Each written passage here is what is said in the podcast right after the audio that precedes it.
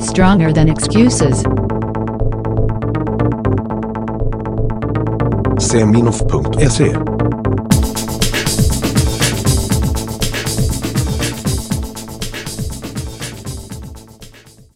Välkommen till Seminoff Strength Podcast. Det här är Stefan Waltersson.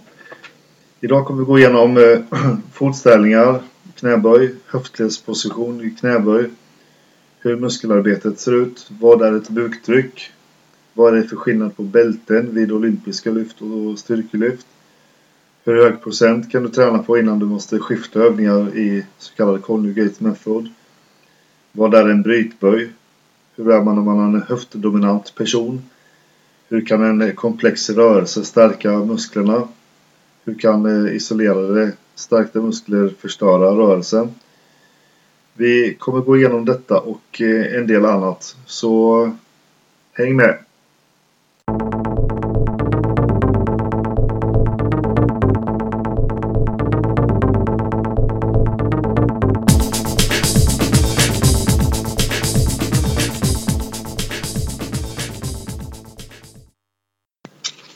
Första frågan är skillnad mellan vanlig gymböj, olympisk böj med highbar och styrkelyftsböj med, med lowbar. Ska styrkelyftare bemästra olympiska lyft först med x antal kilo innan de går över till mer grenspecifik böj med bred fotstance och lowbar? Eh, highbar det är när man lägger stången högt upp på, på trapsen och står med en smal fotställning. Det är olympiska böj. Och eh, så kallad powerlifting skott. Då har man eh, low bar och då ligger stången ner på, på baksida axel. Och man står i regel bredare med fötterna när man böjer. Jag tycker inte att man ska bemästra en olympisk böj först innan man går på en, en powerliftingböj med bredare stance. Det som har betydelse där är hur vi ser ut i bäckenet. Hur vi ser ut i lårinf- eh, lårbensinfästning och så vidare. Och det är mer intressant att se hur, hur lyftaren skiljer sig än hur lyfterna skiljer sig. För lyftaren med sina förutsättningar var ju där långt innan stången hamnade på hans axlar. Så varför ska lyftaren anpassa sig efter lyften i sig? Tekniken i lyften måste ju anpassa sig efter lyftaren såklart, vilka förutsättningar den personen har. Så fotställningen är viktig. Den är beroende på höftleden. Står du bredare isär mellan fötterna med bredare skottstans så kan du jobba mycket mer med, med musklerna kring höftens framsida och mage och kårstyrkan, buktrycket. Och eh, står du smalare så jobbar du med framsida lår och erektorerna bak i ryggen. Så att det, är, det är två helt olika muskelkedjor som jobbar beroende på om du är lämpad för en, för en olympisk skott eller en powerlifting skott. Står du brett då har du mycket mer, mycket mer nytta av ett buktryck när du håller dig rak i kroppen. Buktrycket är att du engagerar rätt muskel så att du kan, du kan stå upprätt utan att falla fram. Är du osäker på vilken knäböjsposition som passar dig så kan du ställa dig mot, eh, eh mot en vägg med tårna in och så, så gör du en knäböj och ska kunna hålla dig upprätt i kroppen medan du går ner under 90 grader och ställer dig upp igen. Och är det så att du ställer dig i fel böjposition då kommer du pressa dig själv utifrån väggen så att du kommer falla utåt. Där tvingas du anpassa din fotställning för en bra skottstance som passar just dig. Jag har tidigare trott att, att den här övningen bara passar folk som står brett isär i sin knäböj. Men senare har jag sett att folk som står med en smal skottstance också kan hitta sin position i den här. För där trycker de ut sig själva mot väggen när de står för brett istället. Så det är en väldigt bra övning. Det finns en bild med på den övningen på eh, en artikel jag skrev för Elite FTS i USA som heter Perfect Scott in 5 minutes. Och längre tid behöver det inte ta att hitta sin perfekta skottposition. Så att har du inte läst den artikeln kan jag rekommendera att kika på den. Jag skrev också en bok som heter med samma namn, Perfect Scott in 5 minutes, som ligger på Amazon om man är vill fördjupa sig i just det ämnet. Jag står i en bred skottstance, då jobbar ju lite annorlunda muskler än ifall vi står i en smal skottposition. Står vi i en bred skottingposition, då jobbar vi mycket mer med sätesmuskel och mycket mer med, med musklerna kring eh, mage och eh, kårstabiliteten.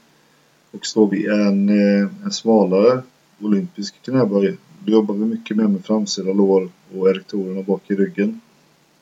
Så det har betydelse och eh, Eh, i regel står man i en smal skottposition så är det många som föredrar att ha lyfta skor med lite klack på för då får vi en annan position i bäckenet när vi böjer. Står vi en bredare skott däremot då är vi mer beroende av, av stabiliteten från foten så då vill vi ha platta skor.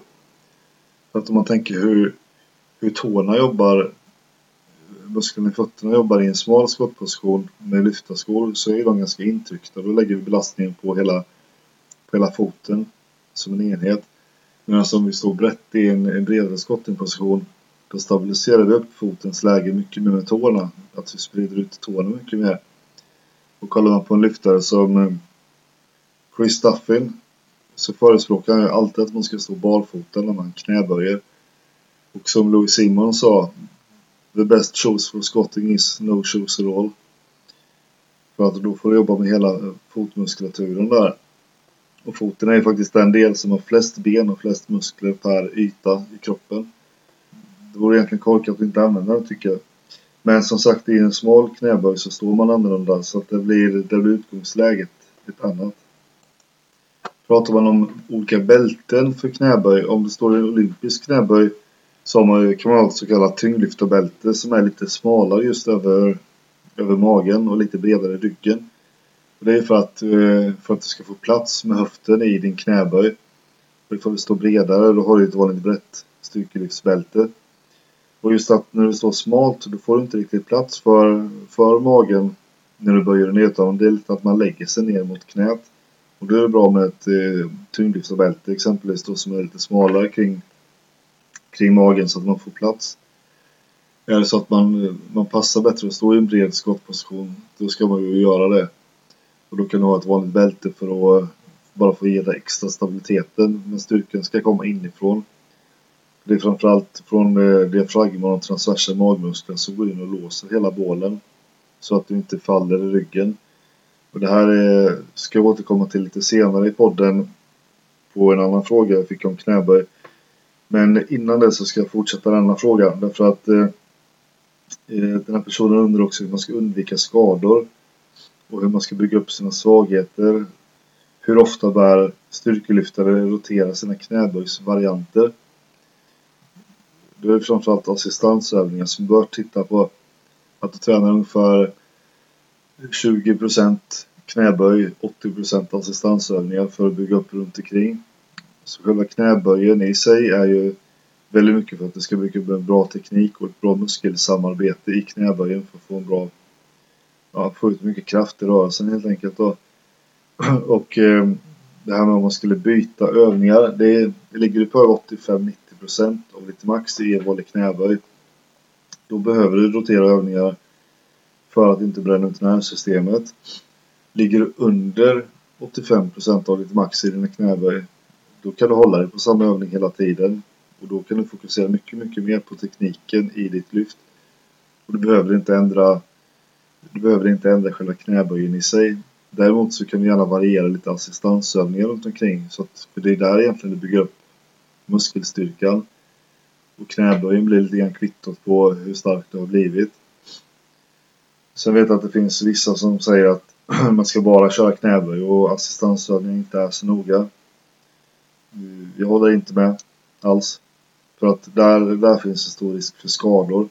För skadorna kommer ju när du inte har stabilitet kring all struktur. Det räcker med en liten svag länk så, så ryker du. När det kommer lite grann fel i ett lyft. Så det gäller att vara stark överallt. Och hur ofta man ska rotera sina knäböj, det... Ja, ifall det är så att du ligger över 85-90% av ditt max. Då börjar du rotera någonstans varje vecka till var tredje vecka. Det beror lite grann på hur, hur du är som person och hur du svarar på träningen. Det är eh, skillnad på om du är träningsextrovert. Då svarar du bra på, på tunga singlar och du kan skifta övningar väldigt ofta. Men som du är träningsintrovert så behöver du göra upprepa ett par gånger innan du får ut din fulla styrkepotential. Och då behöver du hålla samma övningar upp till tre veckor innan du byter. Och normalt sett ligger du på samma övning på mer än 90% i mer än i tre veckor. Då bränner du ut nervsystemet. Det skiljer sig lite grann för vilken personlighet man är där. Och, och vilken person man är, det, det, får man lite grann känna sig för. Trial and error. För min egen del så behöver jag upprepa övningarna ett par gånger innan jag känner att jag får ut max på det. Medan många andra vet jag, de gör precis tvärtom. Ska man förklara det här närmare så är det ju någonting som heter Conjugates Method ifrån, eh, som kommer mycket från Westside-Babel-tänket. Och jag tänkte jag ska återkomma till dig vid, vid en senare episod. Men just nu vill jag hålla mig till de här knäböjen. Jag fick också en fråga med knäböj för styrkelyft. Man ser många som ankstjärtar innan de böjer, att de lyfter upp rumpan lite grann. Och risker med det här undrar han över. Det känns spontant som att man kopplar ur de djupa, eh, djupa bålmusklerna, djupa kålmusklerna. Och får jobba mycket mer med, med ländrygg.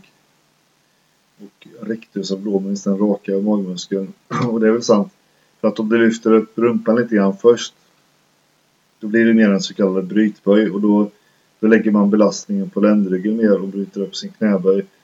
Och då lägger man en väldigt stor, stor stress på L3, L4, L5, S1 nere i ryggen och det är de vanligaste kotorna när man får diskbråck och diskbuktningar och de problemen. Där kan man ju hålla tillbaka lite grann med ett bälte men, men det, är, det är ganska dumt att utmana ödet där. Utan försök att hålla dig rak i, i kroppen så att du lyfter med överkroppen rak hela tiden. Inte åka upp med rumpan först som en ankstjärt som man beskriver det utan kom upp rakt i kroppen. Har du svårt att hitta det här läget så börja med en boxböj där du sätter dig ner helt och hållet på ganska så långt bak och försök att ställa dig utan att tippa fram för mycket. Sen efterhand som du blir starkare i övningen så kan du gå över mer till att du använder den som en markör. Att du går ner och, och snuddar med rumpan mot, mot boxen och ställer dig upp utan att du faller fram i kroppen. Och där är det väldigt viktigt att man hittar rätt assistansövning. För har du en svaghet någonstans där du faller fram. Det vill säga att du faller fram och rumpan åker upp först. Att du ankstjärtar. Då har du svagheter förmodligen kring bålen som du behöver stärka upp så att du orkar skjuta höften framåt mer. Och då är det väldigt populärt hos folk att, att köra de här liggande höftlyften för att stärka upp och göra det som en aktiveringsövning. Eh, problemet där är ju att du har inte samma muskelkedja som jobbar. Du ligger du på rygg, då är ryggen viktbärande och slappnar av mot underlaget och du skjuter höften uppåt. Och det är sant att du blir starkare just i de muskler som skjuter höften framåt. Men du lär dem inte att jobba bättre i den positionen som de ska vara i en knäböj. Så där är det viktigare att ta, eh, ta övningar där du står upp. Som en vanlig good morning kan vara bra. När du gör en höftdominant och tränar på att skjuta fram höften istället för att du lyfter upp med ländryggen. Vilket jag har sett att många gör också. Men det ska vara att höften ska drivas framåt. Och du kan göra sittande sittande ryggresningar eller sittande good mornings. Du kan göra good mornings med bred fotställning, med smal fotställning, med lätt böjda knän, med raka knän. Det finns många olika varianter där och du kan ha många olika stänger. Du kan ha med gummiband, du kan ha med medicinbollar och så vidare. Så att du lär dig hitta den här känslan i hur du skjuter höften framåt med. En av de bättre övningarna man kan göra ifall man har de här bekymren är att man, man fäster ett gummiband runt midjan så att när du ställer dig upp så lägger du mer stress kring höften så att du får skjuta höften framåt. Detta gör du alltså i din vanliga knäböj. En annan variant för att stärka upp den här delen kan också vara att man drar en släde i ett bälte så man har den bakom sig och går och tvingas att skjuta höften framåt hela tiden. Där den mesta stressen läggs kring höften just och inte så mycket på benen då. För då eh, det kan man lägga in sin, eh, sin så kallade GPP-träning general physic preparement, att man förbereder kroppen för en fysisk aktivitet. Så det det är också en väldigt bra övning. Och som jag sa att fördelningen bör ju vara ungefär 80, eh, 80 assistansövningar, 20% basövning. Så vi lägger, så att jag gör en knäböj, då gör jag kanske fyra assistansövningar runt omkring. Och då väljer jag ut lite grann beroende på hur, hur min knäböj ser ut i tekniken och vilken typ av knäböj jag har. I mitt fall så kör jag mycket baksida lår. Jag kör mycket, mycket vad heter det, bröstrygg. Jag kör mycket bål. Och jag kör eh, en del kring, kring vader och stabiliteten där omkring. Jag tycker det är bra att lägga in någon dynamisk övning i varje pass egentligen. Att man eh, kör någon övning man går med släde eller Eller kör step up med eh, Step up med en lite mer belastning. Gärna kanske med gummiband så att det ökar, får lite mer mjölksyreträning. Och får igång cirkulationen i musklerna. För det, det påskyndar en återhämtning sen inför nästa pass. Och då kan du träna oftare och tyngre med bättre resultat än att bara, bara vila eller bara stå still statiskt och träna. Och kanske det är därför så många, många crossfit-atleter faktiskt lyckas ganska bra när de börjar med styrkesport som tyngdlyftning och som styrkelyft. Skillnader på magmuskler och buktryck är inte helt klart för alla. Om man tänker magmusklerna, det, då tänker man främst på det här sexpacket som man vill ha på, på magen när man går på stranden på sommaren. Buktrycket, det är hur du håller upp, hur du, hur du kan hålla hela stabiliteten i bålen genom att du har eh, korrekt andning och får igång musklerna till att aktiveras för att avlasta lika mycket runt om. Och eh, jag brukar tänka att det är ungefär som en, en tom petflaska. Den är ganska lätt att böja, för det finns ingenting som håller den där. Men man får till det här, man sätter på korken. Då, då är det svårt att böja för då kommer inte luften någonstans. Och det är den effekten vi vill ha utav musklerna runt omkring utav diafragman som läggs på som ett lock. Så det är viktigt att hålla, hålla ihop bålen när man lyfter. För om du lyfter upp i bröstkorgen och andas in djupt upp i bröstkorgen då tappar du det här själva buktrycket. Och då får man förlita sig på enskilda muskler som ligger omkring. Men musklerna jobbar aldrig ensamma. Utan de ska alltid jobba tillsammans. Så vi försöker avlasta och göra det så effektivt som möjligt. Och så vidare till en, en närliggande fråga också som jag fick. Och det är knäböj det är många trender som råder. Jag ser ofta personer som, som går från en neutral position i bäckenet till att tippa fram det i slutet på böjen. Så att de kniper åt rumpan uppe i toppen. Det vill säga att de ändrar bäcken och ryggposition under belastningen. Hon undrar vad jag har för tankar om det här. Eh, och tycker att det verkar vara som en, en trend för personer tränare att lära ut på det sättet, skriver han.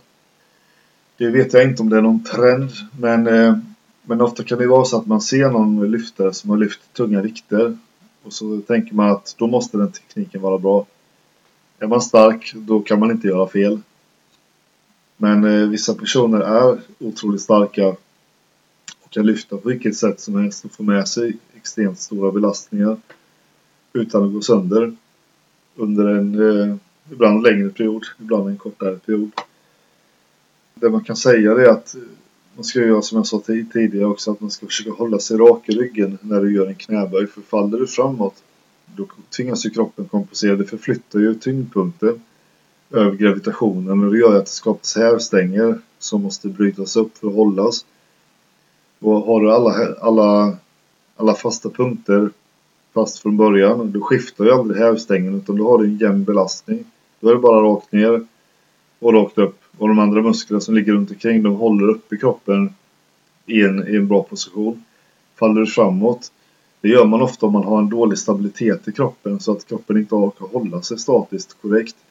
Då blir det lättare för kroppen att jobba i en dynamik för då får du fördela belastningen över flera muskler över tid. Men det bästa är att orka hålla kroppen uppe överkroppen uppe statiskt i rätt läge när vi går ner i en knäböj och belastar kroppen på rätt sätt. Gör du inte det då tvingas du kompensera och kompensationer leder ju i princip alltid till överbelastning så småningom och överbelastning leder om de får fortsätta ofta till skador. Skador leder till avbrott Avbrott leder till eh, uteblivna träningspass. Uteblivna träningspass leder till att du får försämrade resultat. Och att du, ja, du försämrar det mer och mer. Och det är ju ganska vanligt också att folk gör så här och sen så så tar de en viloperiod och eller gör någonting annat ett tag. Sitter och kör lite benspark kanske för att hålla kvar sina benmuskler tror man. Och sen går man tillbaka utvilad och gör om samma sak igen och är borta igen. Man kommer tillbaka och så fortsätter man gå fram och tillbaka. Och det blir varken hackat eller malet. Så lägg tid på att få till en bra position i kroppen från början. Och sen se till att försöka hålla den. Ibland får man gå en steg tillbaka för att börja om och hitta rätt teknik. Men gör det, för att det kommer löna sig så mycket i längden. Och framförallt så slipper du gå ont i kroppen hela tiden. Jag ser många som, eh, som måste köra rörelseträning och stretching och diverse foamroller och så vidare 20-30 minuter ibland innan de kan börja träna.